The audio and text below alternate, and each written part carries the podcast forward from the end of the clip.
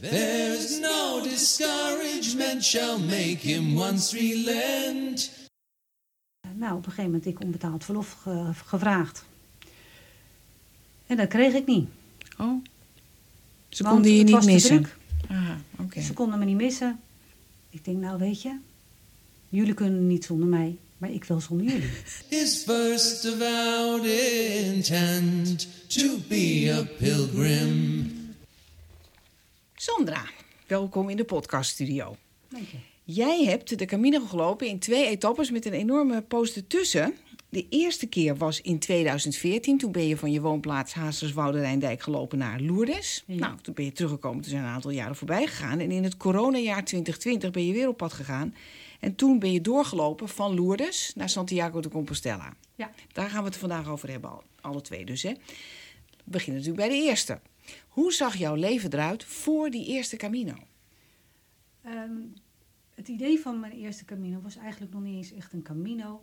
Maar ik was alleen met mijn dochter. En ik, eh, ik wilde eens een keer alleen wandelen, lange tijd. En nou ja, dan begon ik een beetje plannen te maken. Waarheen wil ik? En ehm, waarom alleen? Nou, omdat ik... Ja, ik wilde kijken of ik het echt ook alleen onderweg zou redden. Zonder anderen en Maar redden in welk opzicht?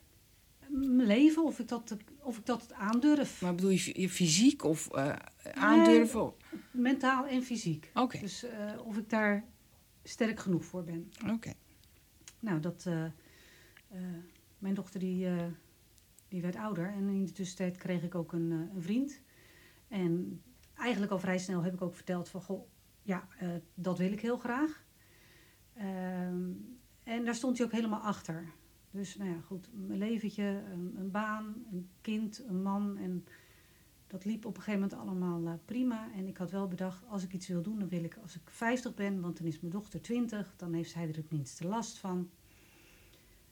En dan ga ik op pad. Hoe lang wilde je dat dan eigenlijk al? Bijna 10 jaar. Oh, dus toen je dochter tien was, toen begon je al te dromen van de Camino, maar toen dacht je nog even wachten. Toen dacht ik van, dat kan ik mijn dochter niet aandoen nu, om er zo even een paar maanden tussenuit te gaan. Want ik wilde gewoon een paar maanden ertussenuit. Even alleen en zien maar. Ja, En toen wist ik echt nog niet waarheen ik wil. Maar omdat mijn dochter Bianca Bernadette heet, leek Lourdes me wel oh, passend. Omdat het Sint Bernadette van Lourdes is. Ik denk dat is toch een soort thuiskomen. ja. Ja. Nou ja, en toen ging je dus op pad. Wat waren je eerste indrukken? Ehm, nou ja, ik ging in- op pad. En mijn man en dochter die hingen mijn 20 kilo zware rugzak op mijn rug. Had je geoefend met die 20 kilo? Ik had wel degelijk geoefend, ja. Ik was een, eh, een, een, ik denk een maand of drie, vier was ik al zeker met bepakking aan het lopen. En dan kleine stukjes, grote stukjes. eh, Met 20 kilo op je rug. met 20 kilo op mijn rug. Ja. Eh, dus ja, ik, ik loop daar de deur uit. En eh, dan loop je in eerste instantie een bekend terrein. En ik was nog geen half uur weg. Of ik kom langs een weiland en ik zie daar zeven ooievaars. Nou, een ooievaar staat traditioneel voor boodschappen. En zeven voor geluk. En het was mijn eerste dag van mijn Camino. Ik denk, ik ga het, het gaat lukken. Een gunstig voorteken. Een gunstig voorteken. En toen ben ik in eerste instantie naar Boskoop gelopen. Nog even eh, koffie wezen drinken met mijn eh, schoonzus en schoonvader en haar dochters.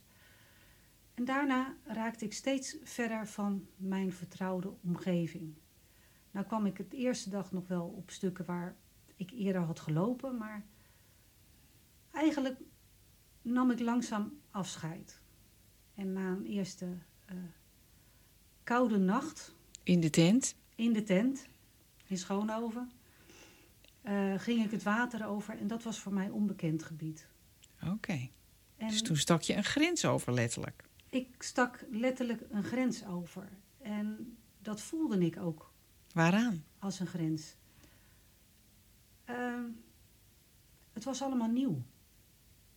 En ik was eigenlijk heel open-minded van ik zie wel wat er komt. Want ik had ook eigenlijk maar één ding opgezocht waar ik wilde slapen. En dat was de eerste eh, nacht op de camping In Schoonhoven. in Schoonhoven. En dat had je nu gehad. Dus nu trad je echt het onbekende tegemoet. Nou trad ik echt het onbekende tegemoet. Het water over en je wist niet waar je die nacht zou slapen. Nee, En hoe voelde dat? onrustig in eerste instantie. Heel onrustig in eerste instantie, want ja dat, ja, dat is best wel spannend. Ja, dat begrijp ik, ja. En ik had wel een beetje gekeken van, goh, eh, waar is de volgende camping? Want ik had een tent bij me, dus dan is dat toch iets makkelijker. Ja. En richting het zuiden zijn wat meer campings, dus oké, dat lukte. Eh, maar ik deed niet reserveren. Ik ging gewoon naar zo'n camping toe. Ik denk een klein tentje, dat past altijd wel ergens. En waarom wilde je niet reserveren? Om jezelf op de proef te stellen? Of? Dat vond ik eigenlijk niet nodig. Ik weet niet waarom, maar ik vond dat ik dat eens een keer los moet laten. Ja, oké. Dus om jezelf op de proef te stellen. Ja, In, in het verleden ging ik op vakantie en dan hadden we drie weken vakantie en ik had voor tien dagen had ik activiteiten gepland. Ja. Ik plande alles en ik vond dat ik dat maar eens moest ja, afleren. dat was de uitdaging. Dat was echt wel een uitdaging. Durf, je- durf je los te laten? durven los te laten. Ja. En dat lukte eigenlijk wel. En dat ging eigenlijk elke nacht goed.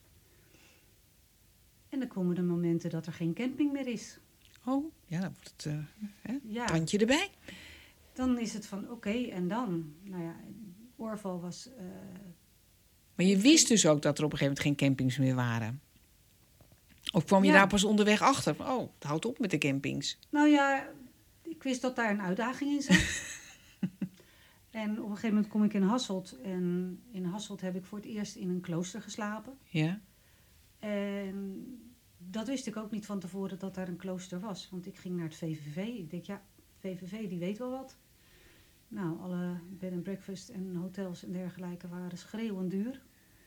Eh, naast het feit dat ze allemaal vol zaten. Jeetje, ja, zegt er eentje, als je een tentje hebt, er is net buiten Hasselt is er een eh, camperplek.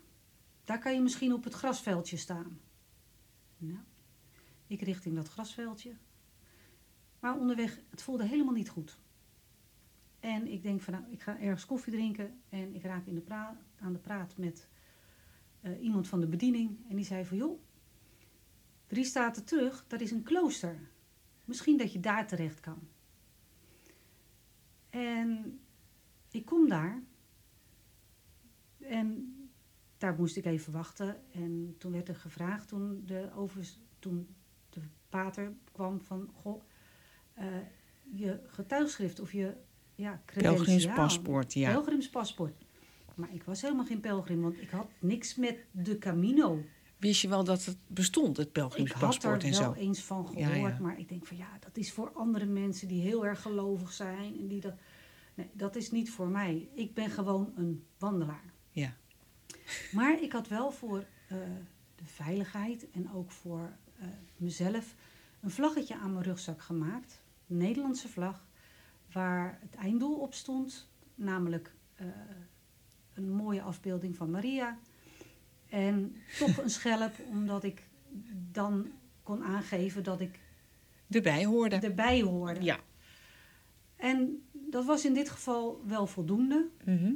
En was gewoon heel leuk. Ik kreeg een eigen kamer en eh, ik kon eventueel wel mee eten, maar dat was voor mij zo vreemd nog dat ik nog steeds op die kamer gewoon even met een gaspitje heb staan koken.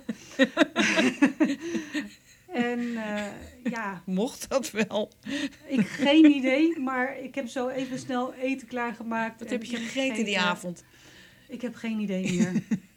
het zal ongetwijfeld een kant-en-klaar maaltijd Ja. zijn geweest die ik tas had, maar geen idee meer. Het, het mooie was, want ik wilde s ochtends weer vroeg vertrekken om weer een, een stuk te lopen. En toen heeft de pater ook gezegd van nou, als je s ochtends vroeg vertrekt, dan is daar de deur en eh, dan kom je in de kapel uit en dan kan je via de kapel kan je naar buiten. En s ochtends inderdaad met die grote rugzak, ik die kapel in, kwart voor zeven, zijn daar al twee dames. Ook pelgrims. Die hadden dus Nee. ook in het... Oh, Het waren geen pelgrims, het waren namelijk dames die de kapel verzorgden en netjes maakten om de heilige die daar lag, eh, dat Eer- hij daar goed bij eer lag. te bewijzen. Ja. eer te bewijzen. En die waren dan vroeg. En die vroegen gelijk, ah, u bent pelgrim. En ik had echt zoiets van, eh, ja. Ja, de overste zei al zoiets. En dan echt in het platte Belgisch. Jij zei, er is dan een dame die met een grote rugzak langskomt. Jij is hier, zij is er niet om te stelen hoor. Nee, zij is een pelgrim onderweg naar Lourdes. Nou, ik heb echt met een smile ben ik die kapel uitgelopen en verder gelopen. En ja, in België heb ik nog twee keer in een klooster geslapen waar ik via via aankwam. Via een snackbar, via iemand die passeerde. En dat vond ik wel heel bijzonder. Ja, maar je had dus moeite om te accepteren blijkbaar dat je misschien toch wel een pelgrim was. Is dat de hele tijd zo gebleven? Ehm, in het begin nog wel even. Maar ik kreeg steeds meer te maken met pelgrim zijn. Ja. En ook met toeval. Want het laatste klooster waar ik in België sliep, dat was Oorval. Ja. Dat is van het bier. Speciaal bier. Ehm, en eh, daar kocht ik een Christoffeltje. Een biertje. Nee, een Christoffeltje is een eh, medaillonnetje. Oh. Sorry.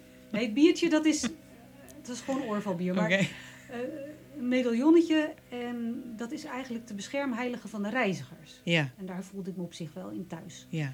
Mijn ouders die gaven me ook altijd een Christoffeltje. En eh, ja, dat, dat past bij mij. En ik loop de grens over en ik kom bij Steenhee. Het- Een heel klein plaatsje. En ik wilde daar gaan zoeken naar een overnachtingsplek. Ik denk, misschien dan toch maar eh, een hotelletje als dat nodig is. Want ik zou het niet weten. En ik loop richting dat stadje. En er komen twee jonge gasten uit een zijstraatje. En die kijken verbaasd naar mijn rugzak, want dat is, is natuurlijk veel te groot voor 1,62 meter en dan 20 kilo op die rug. Wat ga je doen? Oh, dat is interessant en eh, leuk. En, eh, ik zei, ja, ik ben nu onderweg naar Steenee om slaapplaats te zoeken. Oh, zeiden ze, loop maar even met ons mee. Dus ik loop met hun mee en dan komen we bij een school. En dat is een school, een soort internaat waar ze s'nachts slapen. En dan heb je een jongensgang, een meisjesgang en een kamer voor eigenlijk kinderen die een handicap of zo hebben. En daar mocht ik gaan slapen. Tussen die kinderen. Alleen ik had een eigen kamer. Oh. Ik had daar een eigen kamer. Ik heb wel met de kinderen gegeten. En ja, dan moet je in het Frans een beetje gaan praten. En dat vond ik toch wel heel spannend. Maar die kinderen hingen aan mijn lippen van, Ja, wat ga jij doen? natuurlijk heel interessant natuurlijk. Ja, dat waren allemaal jongeren van 13, 14, 15 jaar. Dus dat vond ik fantastisch om te doen. En eh, ja, toen had ik echt zoiets van spannend. Ik word beschermd blijkbaar door de Christ Christoffel. En het meest bijzondere vond ik nog dat een van die gasten heette Christophe. Ja, ja. En dat was voor mij echt het teken van, ja, ik krijg seintjes onderweg waar ik wanneer moet zijn. Oké, oh, dan krijg je een soort vertrouwen in het Ik begon proces. langzaamaan in het proces van het zoeken en het onderweg zijn, kreeg ik vertrouwen. Nou, dat, dat, dat was geweldig. En ik, eh, nou ja, goed, de volgende dag regen weg en eh, zoeken. En echt, ik liep op kaart. Ik liep geen Camino, ik liep geen, ik keek op kaarten. Want er waren geen vlaggetjes of pijltjes of zo. Nee, je moest het zelf uitzoeken. Echt eh, op kaart, wat natuurlijk een stuk langzamer loopt Ja. dan je de pijlen volgt. Ja, maar er waren gewoon geen pijlen. Of liep je verkeerd? Nee, ik liep gewoon helemaal buiten de Camino om. Ik, Ja, ja. ik had daar niets mee en ik nam ook Oh, geen je was nog niet eens op de Camino. Oh, je Ik was- weerstand zat wel diep. Ja, dat was echt zoiets van, waarom moet ik een wandelpad? Ik ga gewoon op kaart de kortste weg lopen en ik zie wel. Totdat ik ergens in Noord-Frankrijk eh, op een camping kwam. En dat was een dag dat eh, ik met regen wegging. En het was regen, regen, regen. En ik was helemaal totelos. Ik kon niet naar het toilet, want er konden bosjes niet in. Want die regencape zat me in de weg. En die rugzak was te zwaar. En nou, ik kwam daar aan op die camping en ik zakte echt op de grond. Ik was stuk. En ik werd heel lief verzorgd. En Door daar- wie? Door de mensen van de eh, camping. Oh, oké. Ja, die waren echt heel lief voor me. En die vertelden ook van, joh, als je nou over Rijms gaat, dan kom je op de Camino terecht. Ja. En daar zijn ze wat meer ingesteld ook op pelgrims of mensen zoals jij. Ik denk, ja, misschien moet ik dan toch Ja. die kant maar op. ja. Hoe ver was het toen nog naar Rijms? Ehm, ik denk een dag of drie, vier. Oké. Toen ben ik inderdaad weer afgebogen, want ik ben eerst vanuit Nederland richting Hasselt. Toen ben ik in La Roche en Ardennen. Een, een hele belangrijke plaats voor eh, mijn man en mij. Want daar heeft hij me eerst, voor het eerst kennis laten maken met Ardennen. En Mhm. hij is toen ook een dagje langs geweest. Oh, Gewoon eventjes mee komen opzoeken. in jullie plekje. in Ja. ons plekje. Eventjes een hotelletje gepakt. En hij is de volgende dag naar huis gegaan en ik weer verder. Ik vind trouwens België fantastisch om doorheen te lopen. Mooie, eh, veel bomen, wat heuvels. Het, het werd steeds heuvelachtiger en daardoor steeds meer afstand van Nederland. En Ja, dat vond ik op zich wel mooi. ja. En inderdaad, vanuit die camping heb ik eigenlijk de kortste weg, eh, deels over B-wegen, eh, naar Rijms genomen. En ik kwam om kwart voor vijf bij de kathedraal van Rijms aan. En daar heb je dus een tafel staan van het genootschap. Oh, dat was de eerste keer dat je het genootschap tegenkwam. Dat was echt de eerste keer dat ik het genootschap tegenkwam. Ja. En vlak daarvoor, dat was, sorry, ik moet even terug naar die 10 kilometer eh, voor Rijms, had ik nog ook even koffie gedronken. En daar gebruikten ze de Jacobschelp als asbak. Oh, En beetje oneerbiedig. best- ja, ik in mijn beste Frans mijn verbazing uitgesproken. En joh, dat is zonde. En... Dus wat doet die vrouw? Die pakt die asbak op. Die maakt hem helemaal schoon voor mij. En die geeft hem mij Oh, om mee te nemen. om mee te nemen. Nou, Vervolgens kom ik dus in Rijms terecht. Ben ik net op tijd om het boekje van de Camino vanaf Rijms richting Vezelé te kopen. En mijn credenti- credentiaal. Want daar heb ik toch Ja. wel gemerkt dat ik die nodig heb. ja, ja. Dus het boekje, de credentiaal, mijn schelp. En er begon bij mij iets te kriebelen van hier, hier is iets anders aan de hand. Wat dan? Maar ik kon het niet helemaal plaatsen. Maar je vond het dus wonderlijk dat alles erop wees, of alles jou eigenlijk richting de, de pelgrimsidentiteit Ja. duwde. Ja. En die dag hebben ze me naar een, eh, een slaapgelegenheid, een soort studentenslaapgelegenheid, waar ook pelgrims eh, overnachten, ge- eh, gestuurd. En daar kwam ik ook nog mijn eerste pelgrim tegen. En wat dacht je toen? Ik herkende mezelf. Oh, oké. Waaraan? Iets in eh, de pelgrim, zoals ik die inmiddels wat meer ken, eh, is het loslaten, het eenvoudige leven, denk ik. En vooral je neus achterna lopen en vertrouwen. En dat heb ik in die eerste periode tot Rijms, heb ik dat moeten leren. Ja. En dat, ja, En wanneer was dat proces voltooid? Ehm, het moest nog, het, het, het was er. In Rijms merkte ik dat het vertrouwen er was. Maar het moest zich nog gaan zetten in mijn hele wezen. Ja, oké. Dus het, het Ja. was in aanleg duidelijk aanwezig. Oké, er was iets veranderd. Er was iets veranderd. Oké, en dan kom je dus aan in Rijms. Ja, ik, eh, ik vond het wel heel bijzonder. Omdat ik daar inderdaad mijn eerste pelgrims tegenkwam.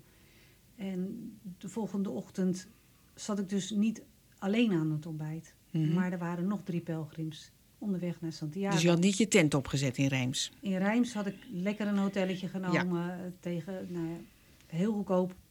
En daar kan dan ook zo'n camping weer niet tegenop. Want de luxe van even een douche en een eigen kamer, dat vond ik toch ook wel heel lekker. Ja. Maar goed, daar vertrok ik eh, via een boekje. En daar kon ik pijlen volgen. Mhm. En dat is wel een stuk makkelijker als de kaart volgen. Want Ja, elke keer, elke kruising moest ik dus de kaart erbij pakken. Waar zit ik? Waar zit ik goed? Zit ik wel goed? Zit ik niet goed? Waar zijn de fietspaden? Want ja, dat loopt een stuk prettiger als op de weg. Dus ja, dat, dat was een stuk lastiger. Ik heb het mezelf niet makkelijk gemaakt. Dat, Nee. is, dat is duidelijk. nee. Maar goed, vanaf Rijms kon ik eh, via een hele mooie eh, rivier eigenlijk Rijms uit en naar het zuiden. En omdat ik zo'n zware dag daarvoor had gehad, want ja, 38 kilometer, die zat echt in mijn benen en ik was gewoon moe. Ik denk, weet je wat, vandaag maar 8 kilometer. Ja, rustig. Rustig dagje. En dan ga ik ehm, in de eerstvolgende plek ga ik overnachten. Maar omdat het dag eh, een of andere vrije dag was in Frankrijk. Ik weet echt niet eens meer welke. Maar de sheet, daar was in ieder geval nog niemand. En het sleuteladres was ook even niemand. Die zouden pas om een uur of vijf komen. Ik dacht, ja, wat doe je dan? Dus ik stond een beetje te treuzelen. Oh, zegt de overbuurvrouw, kom maar lekker in de tuin zitten. Het was prachtig weer. Dus ik heb daar thee gekregen en koffie gekregen. Een tijdschrift om door te bladeren. Het was in het Frans, maar goed. Er stonden een hoop plaatjes in, dus dat scheelde. En daar heb ik de hele dag gezeten en daar was ik heel blij mee. Alleen, hoe laat je dat zien als pelgrim zijnde? Want je hebt niks bij je. Dus ik heb het adres opgeschreven. Ik denk, daar moet ik later wat mee. Want soms dan doen mensen net even wat meer dan dat er van Ja. ze verwacht wordt. En daar, daar moest ik wat mee. Enfin, eh, die nacht zag ik weer twee pelgrims. Die waren wat later vertrokken eh, vanuit Rijms. En eh, we hebben toen met z'n drieën gegeten samen. En dat was hartstikke leuk. Dus je kwam nu ook andere pelgrims tegen. Ik kwam andere pelgrims tegen. En dat vond ik eigenlijk best wel leuk. Ja. Het hoefde er voor mij geen massa's te zijn, alsjeblieft nog niet. Maar ik vond het wel leuk. Zeker zo in de avond en onderweg. eh, Een stukje herkenning als je iemand tegenkwam. Dat vond ik echt heel leuk. En de volgende dag, ik ga weg, het regende. Nou, dat heb ik weer. Ik mijn credentiaal gehaald, want die hadden zo'n soort onderpand bij het sleuteladres. Oh, Apart, maar goed. Ik, eh, ik wist niet hoe het ging natuurlijk, want die credentiaal die had ik pas een dag. Dus ik, eh, nou, ik mijn credentiaal gehaald en ik in de regen gelopen. En ik door de bossen heen gelopen. En het was glad en het was glibberig. En ik had het naar mijn zin dat ik denk van nou, ik ga mijn man bellen. mhm. Ik belde hem op. Ik zie, joh, zo ontzettend gaaf. Het is glad, het is glibberig, het is hobbelig. En ik heb het naar mijn zin. Het is druilerig en ik vermaak me prima. ja. En, en, en waardoor denk je nou dat je het dan opeens zo geweldig naar je zin had?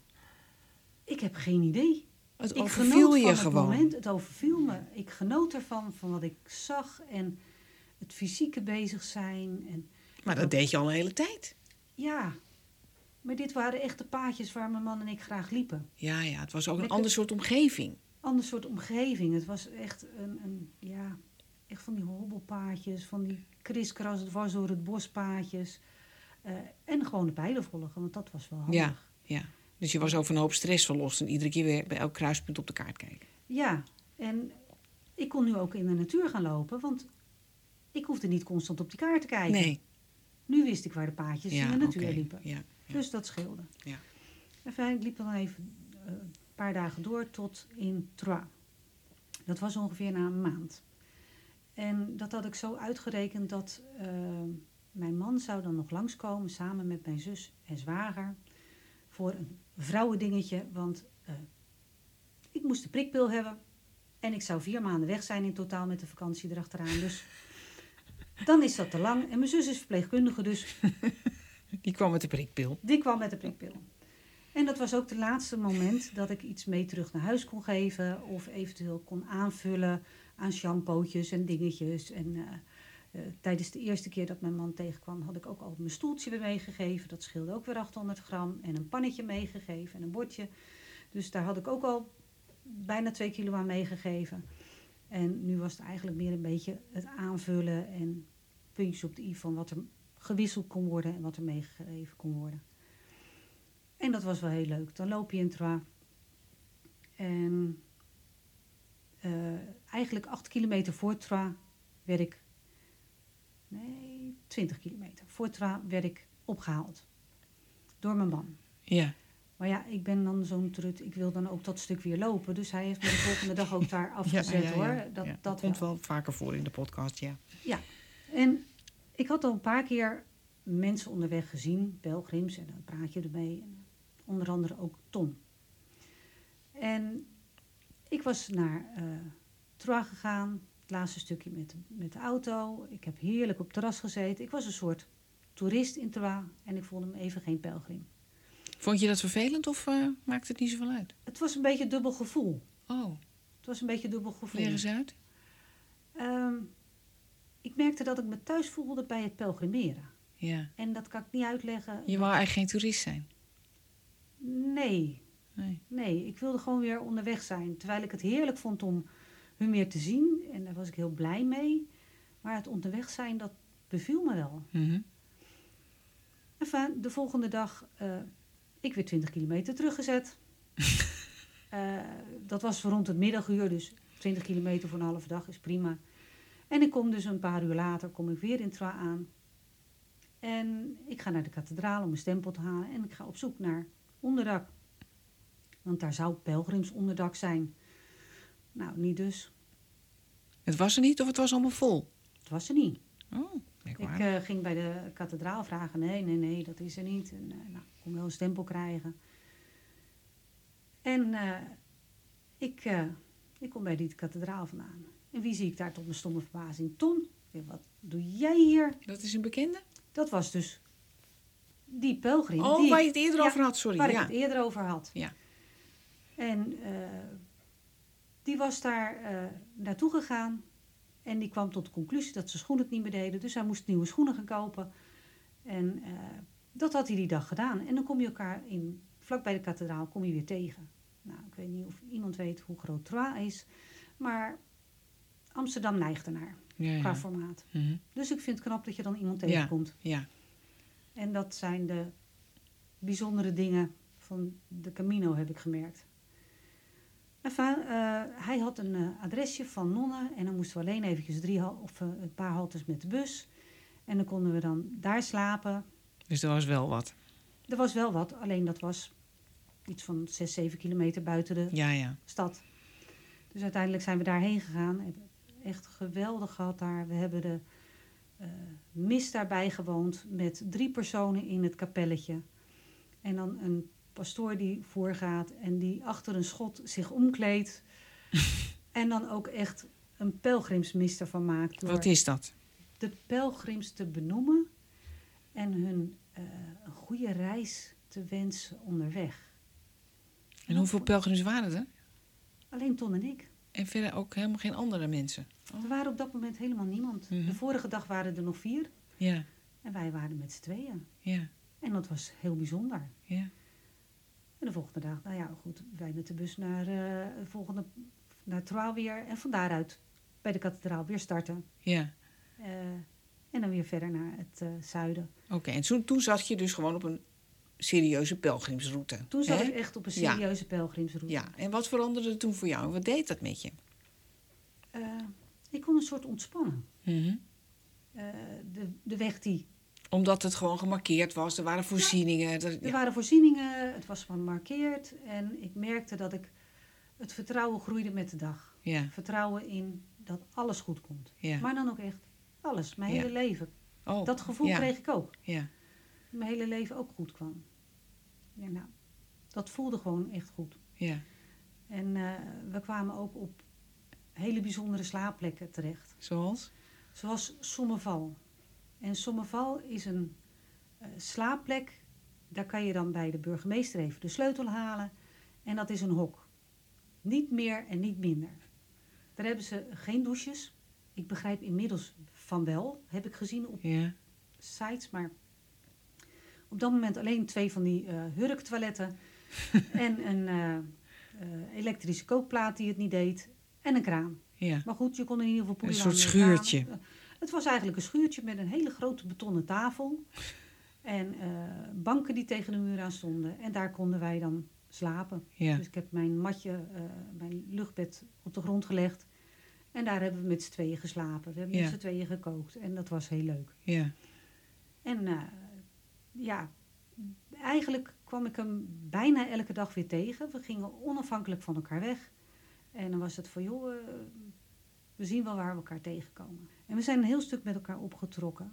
En in de tussentijd kwamen we nog een Fransman tegen, een andere Nederlander, die eh, ja, ook liep en waar ik af en toe stiekem een klein beetje meewarrig over dacht, omdat hij eh, het als een fysieke prestatie zou gaan doen.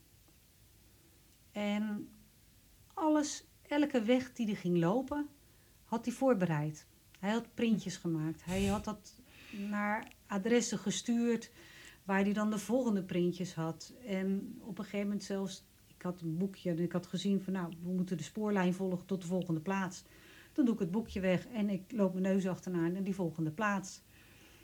En hij zei, nee, we, rijden- we lopen verkeerd en het moet dit en het moet dat. Want hij had ook nog een GPS bij zich en die briefjes bij zich. En, en ik had echt zoiets van, jeetje, wat ben ik toch veranderd in die tijd. Want ik loop mijn neus achterna. En dan, Eerst was jij ook wel een beetje zo. eerst was ik ook een controlfreak. Ja. En daar herkende ik mezelf een beetje van voor die tijd.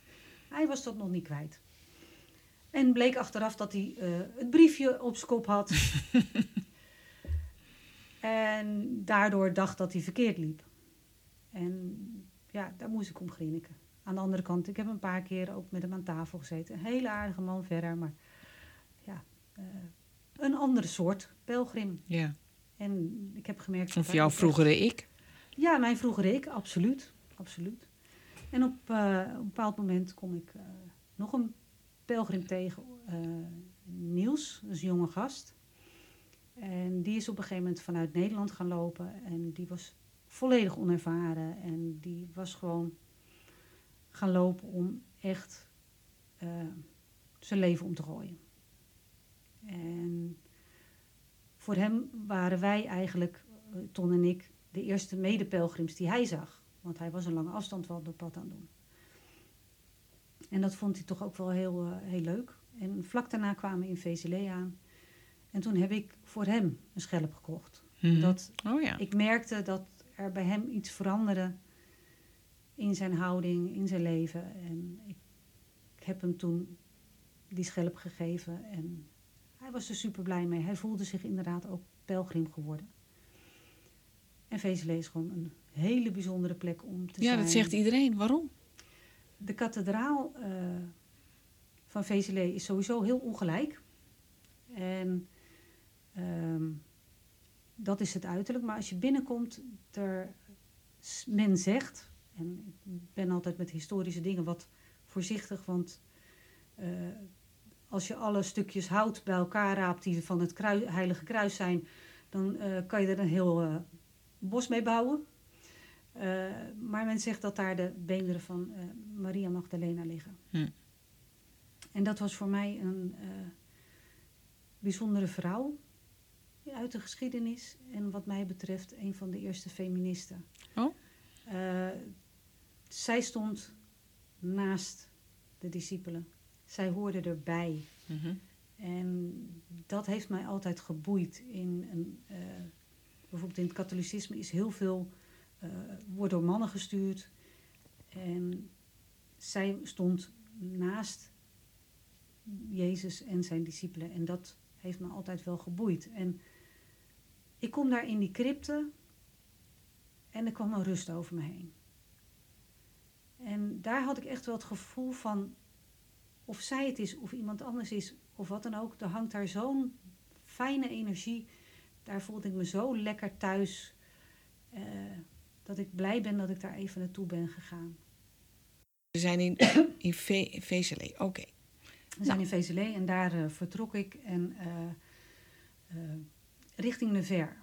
En Nevers is een logische stap als je Lourdes als eindpunt hebt. Want in Nevers, daar heeft uiteindelijk in een klooster Sint Bernadette eh, eh, gewoond. En ze is daar ook overleden. En ze ligt daar ook opgebaard. Mhm. Dus ik ben daar naartoe gegaan. Ik, eh, ik heb daar ook een rustdag eh, gehad.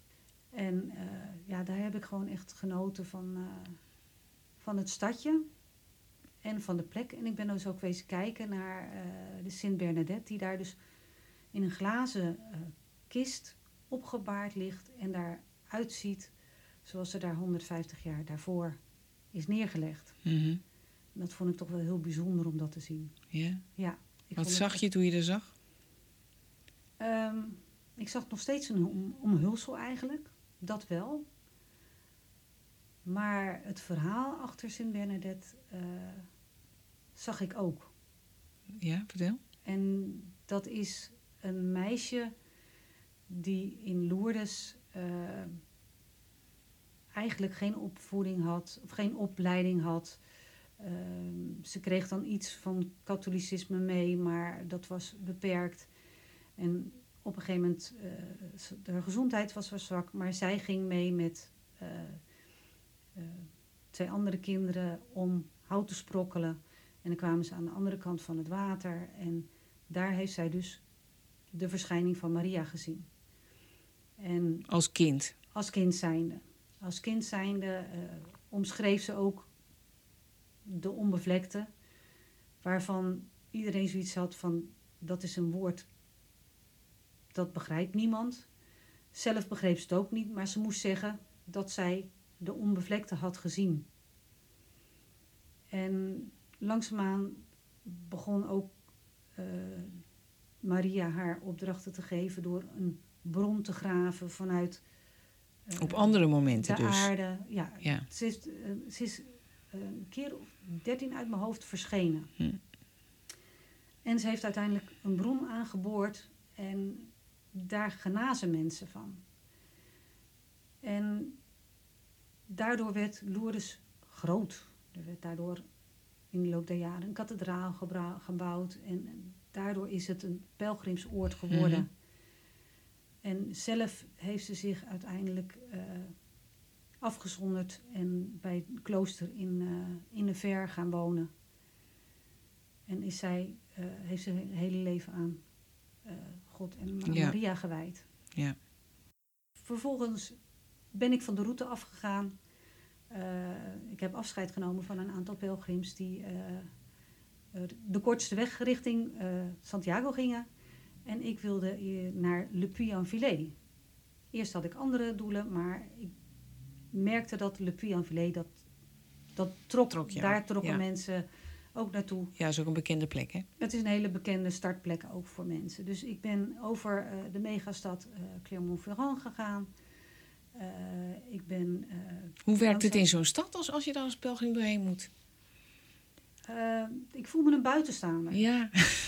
Ik voel me echt een buitenstaander. Want mensen die winkelen daar, die zitten op terrasjes. En zeker als je dan met die grote rugzak aankomt lopen, dan heb ik zoiets van: help, wat doe ik hier? Ik Ja. merkte dat ik me steeds meer thuis voelde op die smalle paadjes, de, de, de boerenlandpaden. Daar paste ik. Maar in een stad, dat paste niet zo. Nee. En ik moet En zeggen, hoe lang heb je erover gedaan om daar doorheen te gaan? eh, Clermont-Ferrand was groot. Daar ben ik eh, een dag mee zoet geweest. Oké, maar je hebt er niet overnacht. Je hebt er wel overnacht. Ik heb er overnacht weer in zo'n studentenhotel. Ja, Want in, in Frankrijk doen ze regelmatig vanuit allerlei regio's... komen dan die studenten naar een grote stad en daar gaan ze examen doen. oh, dus daar zijn Dat voorzieningen heel voor. anders dan ons. Dus daar zijn voorzieningen voor gemaakt. En dat was op zich wel handig om dat in... Ja, dan zo'n heb je gewoon een kamertje alleen. Ja, gewoon Ja. een klein kamertje. Niets anders dan een Ja. klein kamertje. Dus de ene keer had ik een, eh, een douche op de kamer... en de andere keer dan had ik een douche op de gang. Maar je had in ieder geval een eigen steek. Ja, weinig voelt geloof ik zo eenzaam als pelgrim zijn in een grote stad. Ja, Ja. dat is absoluut waar. Oké, en op een gegeven moment kom je dus aan in Lourdes. En dan ben je al bijna drie maanden onderweg, neem ik aan. Ik was in totaal 100 dagen onderweg. Ja, drie maanden dus. In het eh En dan kom je Lourdes binnen. Dan stap ik Lourdes binnen en eerst zag ik dat bord, ik foto's gemaakt. Er was op dat moment toevallig iemand bij me, dus die maakte foto's van me. En nou, ik vond het allemaal heel enthousiast en eh, mooi. En ik loop richting het heiligdom. En ik stuur een sms'je naar mijn man. Ik ben er. En hij belt me op en ik kon niks meer zeggen. Jij kon niks meer zeggen. Ik kon niks meer Nee. zeggen. Ik was Je schoot helemaal vol. zo geëmotioneerd. Ik schoot echt helemaal vol. Dat soort momenten, daar moet je niet te Je- vaak oproepen. want Nee, je, doet hebt het nu weer. Ja. Eh, ik stond daar en ik wist, ik had het volbracht. Ik ben 100 dagen onderweg geweest en ik heb 2007 kilometer in mijn benen en ik heb het volbracht. ja, Ik was zo trots op mezelf. ja. Ja, geweldig. En ik wist dat de volgende dag zou hij me komen halen en dan zouden we op vakantie gaan. En, eh, dus ik ben naar de pelgrimsherberg gegaan. En ik heb daar eh, hele fijne dagen gehad. Tenminste, twee, één hele dag. Ik ben daar ook, de processie heb ik gelopen. Ik heb eh, de levensgrote kruisweg gelopen daar. Wat echt fantastisch is. En de volgende dag zou mijn man komen. Eh, dus ik ben er één, één overnachting heb ik dan apart gedaan. En eigenlijk zou ik er twee overnachtingen daar hebben. Maar ze kwamen s'avonds om 11 uur al aan in een hotel. En de eerste die ik in mijn armen nam was mijn dochter, die was mee. Mhm. Bernadette. Bernadette, ja, Bianca Bernadette. En toen was ik thuis. Toen zij er was. Ja, Ja, ja, oké. toen zij er was, toen mijn man er was. En dat was voor mij thuiskomen. Ja, Dat was de verbinding weer met thuis. ja. En hoe vonden ze jou? Vonden ze je veranderd? Wat viel ze op? Eh, ik was nog niet zo gespannen meer. Oké. Ik, En had je eh, dat zelf al in de gaten? denk als ik terugkijk wel, ja. Hm. Ik, het hoefde allemaal niet meer zo perfect. Eh, het ging gewoon. Ja, het komt Het wel goed. Het komt wel goed. Ja. Alles komt goed, het leven komt goed. Dus ik maakte me niet zo'n zorg meer. Dus ja. Dus dat was het einde van deel 1. Ja,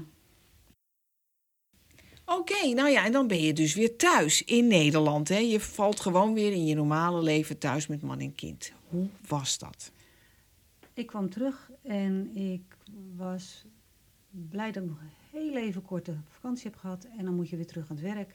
Wat deed je toen voor werk? Ik debiteuren beheren bij een uitgeverij. Oh, oké. Kantoorbaan. Een kantoorbaan. Dat is wel even wat anders dan de Camino. Dat is heel wat anders dan een Camino. En ik merkte dat ik dit eigenlijk niet meer leuk vond. Maar goed, de collega's waren prima. Het was een baan. En had je dat van tevoren al in de gaten, voordat je de Camino ging lopen? Dat je er een beetje op uitgekeken was? Nou, misschien wel. Misschien is dat ook wel een trigger geweest om Ja. die stap te zetten om inderdaad te gaan. Maar toen je terugkwam was het volstrekt duidelijk. Dat was eigenlijk wel duidelijk. Maar ja, financieel moet je natuurlijk wel een Ja. baan hebben. En eh, de omstandigheden waren van die aard dat ik gewoon door moest werken. Ja. Dus het dagelijks leven gaat door. En eh, nou ja, je vertelt eens over je, je, verhaal. En de meeste, krijg je nul op orkest. Op een Ja, niemand begrijpt het na. natuurlijk. Nee. nee. Maar even nog wat tussendoor. Wat was er veranderd in jou? Ik deed niks meer plannen. Oké. Ik eh, liet het allemaal over me heen komen. Mhm. En En hoe beviel denk- dat? Dat beviel me prima. Ik, eh, ik merkte dat ik eh, mijn leven wat minder spastisch inrichtte. Misschien moet ik het zo doen. Niet Je was te- dus een controlfreak, zoals ze dat Ik- noemen. Ik was een beetje een controlfreak. Dat komt op de debiteurenadministratie misschien heel goed van pas, maar op andere momenten had je er toch wel Ja. last van. En ik merkte dat ik dat steeds makkelijker kon loslaten. Ik niet meer zo ver van tevoren iets plande. Ja, had je ook alweer verlangen naar een volgende tocht? Ja, ik wilde wel. Nou, op een gegeven moment ik onbetaald verlof ge- gevraagd. En dat kreeg ik niet. Oh, ze want konden je het niet was te missen. druk. Aha, oké. Ze konden me niet missen. En inmiddels was de thuissituatie zo veranderd dat de kinderen het huis uit zijn. En ik alleen met mijn man was. En ik een gokje kon wagen. Ja, Want financieel was het gewoon een stuk stabieler geworden. ja. En ik kon een gokje wagen. Ik denk, nou weet je, jullie kunnen niet zonder mij, maar ik wel zonder jullie. Geweldig. En de laatste twee jaar was ik, Je hebt lekker je baan opgezegd. ik heb mijn baan opgezegd en de laatste jaar was ik eigenlijk al lang niet meer gelukkig. Er was steeds minder pers- collega's waar je het Ja. naar je zin had. Het was gewoon de druppel die de emmer deed Het overlopen. was voor mij net eventjes die trigger om Ja. te zeggen van, en nu stop ik. Ja. Eh, maar dan vervolgens komt corona om de hoek. Ja. Oh, dat speelde allemaal zo'n beetje tegelijk. Ja, Ja, ja. want in april had ik mijn ontslag, ik had mijn ontslag ingediend in januari. Oh ja, toen was er nog niks aan de hand. Toen was er nog niks aan de hand. En april zou ik mijn laatste werkdag hebben. Eind Ja. april. En dan zou je in mei weggaan. En ik zou in mei weggaan. Ja, Dat ging dus niet door. nee. Enfin, ik, eh, Maar ja, kon het toen niks? Of, of had, had je zelf de moed niet meer? Nee, ik kon gewoon niet. Mocht Je kon, niet. mocht de grens niet over nog. Nee, ik mocht de grens niet over. Dus eh, alles was eh, in lockdown en grenzen dicht. En ik denk, ja, jeetje, vakantie misschien nog. Maar goed, ik was gestopt met, met werken. En ik, ik wandelde op een gegeven moment op een dag. Ja, ik heb mezelf een driedaagse gegund. Ja, in Nederland. in Nederland. En eh, ik wandelde en op een gegeven moment dacht ik van misschien na de vakantie. En dat zou dan zijn in? Dat zou dan weer starten in aug- 1 augustus. En dat was dezelfde dag als dat ik geëindigd was. Ja. Dat, dat, dat kwartje viel. En ik liep op dat moment langs de Rijndijk. En ik zie een boot. En ik zie de naam van de boot. En ik denk, ja, ik ga vertrekken. Want deze boot heet de Jacobus. Oh, nou, kijk, een teken. Dat was voor mij een teken aan Ja. land. En ik had, was er gewoon van overtuigd, dan ga ik het doen. Ik ben uiteindelijk eh, alleen weer gegaan. En eh, na de vakantie ben ik in Lourdes gestart. Ik heb een eh, eerste zware week gehad. Dat het gewoon en heet was en zwaar was. En, Ja, je moest Maar- er weer inkomen. en Had je weer vervolgens- 20 kilo bij je? Godzijdank, ik had mijn tent thuis gelaten, want ik wist dat het niet meer nodig Nee. was. Ik had nou hooguit 10 kilo en eh, dat was inclusief water. Dus ik had het netjes gedaan in de laatste tijd. Ik had wat ballast afgeleg- afgegooid, In alle opzichten. in alle opzichten. Ja. Ik had inmiddels eh, thuis nog wat eh, huishoudelijk werk gedaan. Ik denk, een echte baan ga ik zoeken als ik terug ben. Oh ja, oké. Helemaal vrij. Helemaal Ja. En, eh, Niks om achter... Ja, je liet alles achter en je had Ja. niks eh, waar, waar je per se voor terug moest komen. Ja. Op een bepaald moment. En ik kwam heel veel pelgrims tegen die een Spaans sprak en andere eh, Nederlands en Engels. En zo liep ik met een groep vrienden die ik kreeg, want zo voelde het voor mij. Het was een komen en gaan, het was on- ontmoeten en zeker ook ontmoeten. Alles kon, alles mocht en ik heb heel veel mensen ontmoet die mij geraakt hebben. Ja. En dit jaar moest ik ervoor kiezen om te reserveren. En dat vond ik wel jammer. Want- Omdat er zoveel dicht was. omdat er zoveel dicht was. Dat hebben ze in Jean Jean-Pierre de Port hebben ze echt gezegd van... ga reserveren, want er is zoveel dicht... en dat voorkomt teleurstellingen en hele lange stukken ertussen. Ja. Dus dat heb ik dit keer wel gedaan. En dat haalde iets van zijn charme af. Maar ik vond het ook wel prettig. Want daardoor had ik de hele dag de tijd. En hoefde ik niet over na te denken over mijn onderdak. Dat Ja. voelde ook weer heel anders. Ja. En dan kom je op een gegeven moment in de laatste periode van de Camino. En De laatste 100 kilometer de bedoel laatste je? 100 kilometer zo'n beetje. Nou, eigenlijk vlak daarvoor merkte ik al dat ik het goed vond dat Santiago het eind was. In plaats van dat je er tegenop zag dat je bijna weer naar huis moest. Ja, want Ja, de meesten die ik om me heen hoorde, die hadden zoiets van... ja, maar ik wil nog niet. het is al bijna afgelopen. Het is al bijna ja. afgelopen. En, maar ik merkte ook dat ik een van de weinigen was die een partner thuis had zitten. Ja, ja, Want er lopen heel veel mensen alleen, die ook echt alleen zijn. ja. En ik voelde me daar weer anders in. En toch voelde ik me compleet.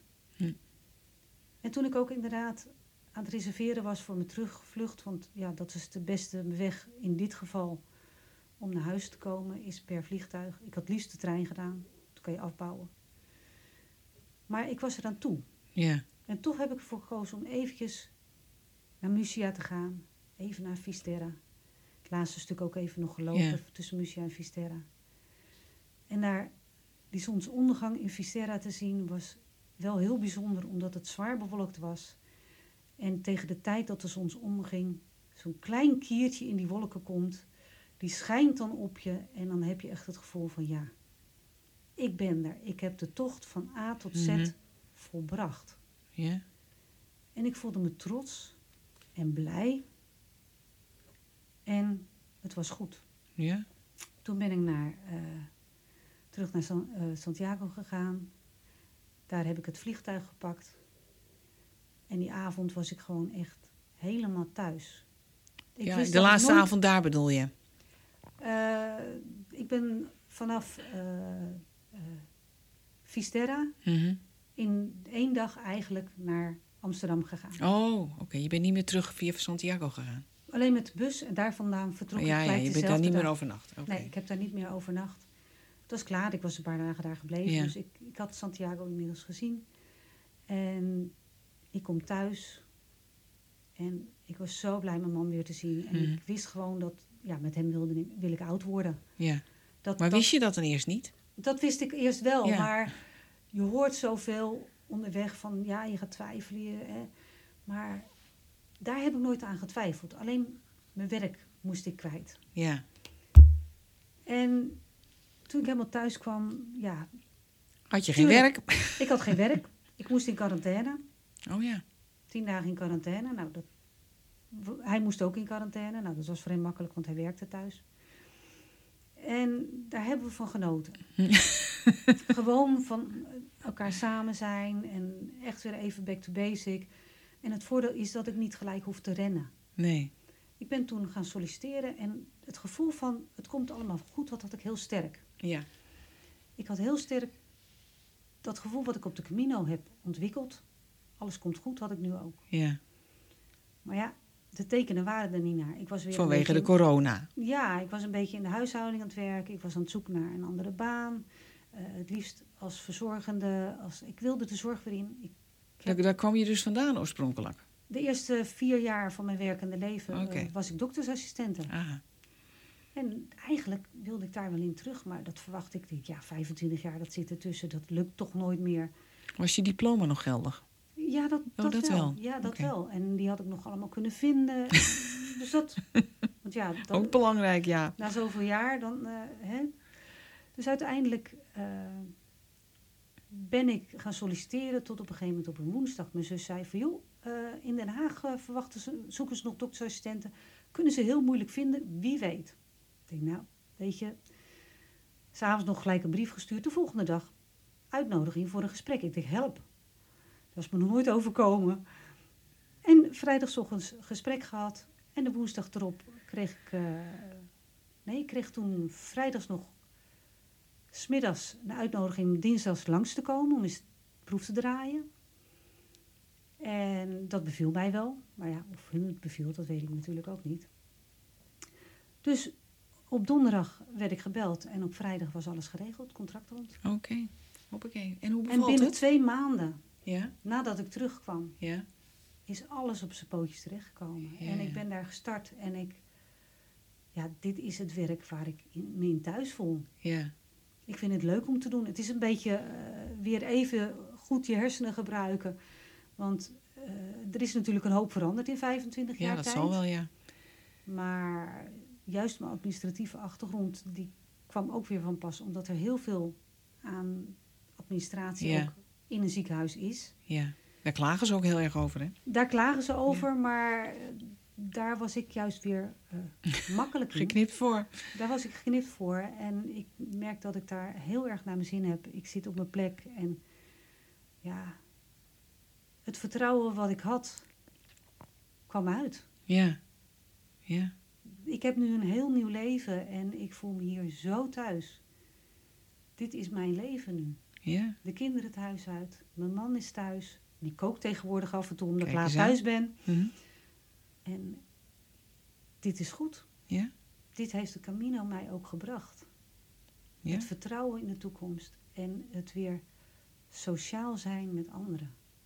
En ik heb uiteindelijk, toen ik terugkwam, alles opgeschreven. Ik heb er uiteindelijk een boek van gemaakt. En die heb ik vorige week uitgebracht. En ik was al heel verbaasd dat ik binnen een dag al zeven boeken had verkocht. Dat ik denk van, oh wat gaaf. Ja. Wat is nou volgens jou het geheim van de Camino?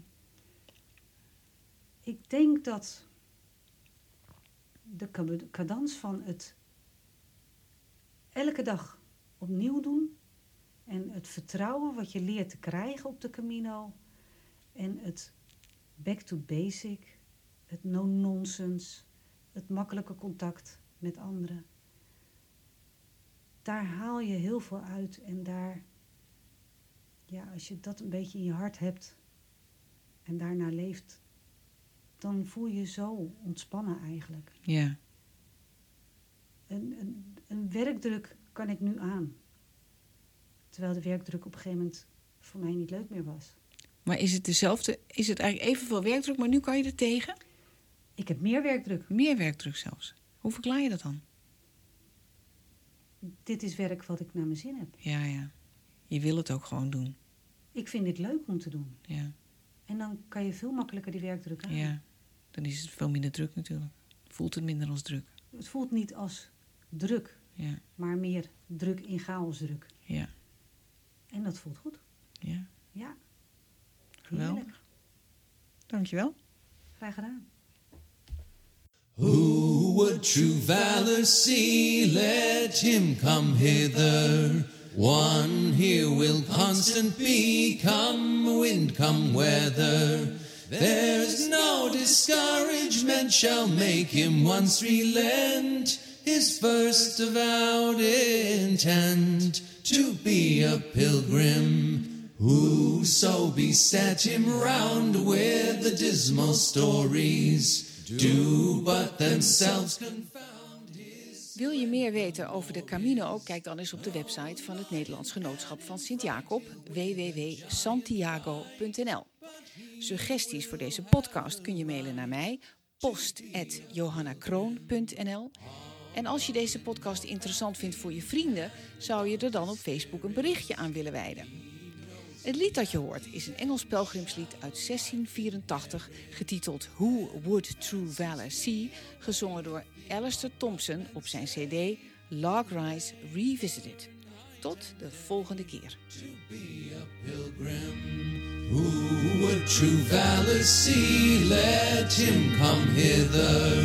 One here will constant be, come wind, come weather. There's no discouragement shall make him once relent his first avowed intent to be a pilgrim.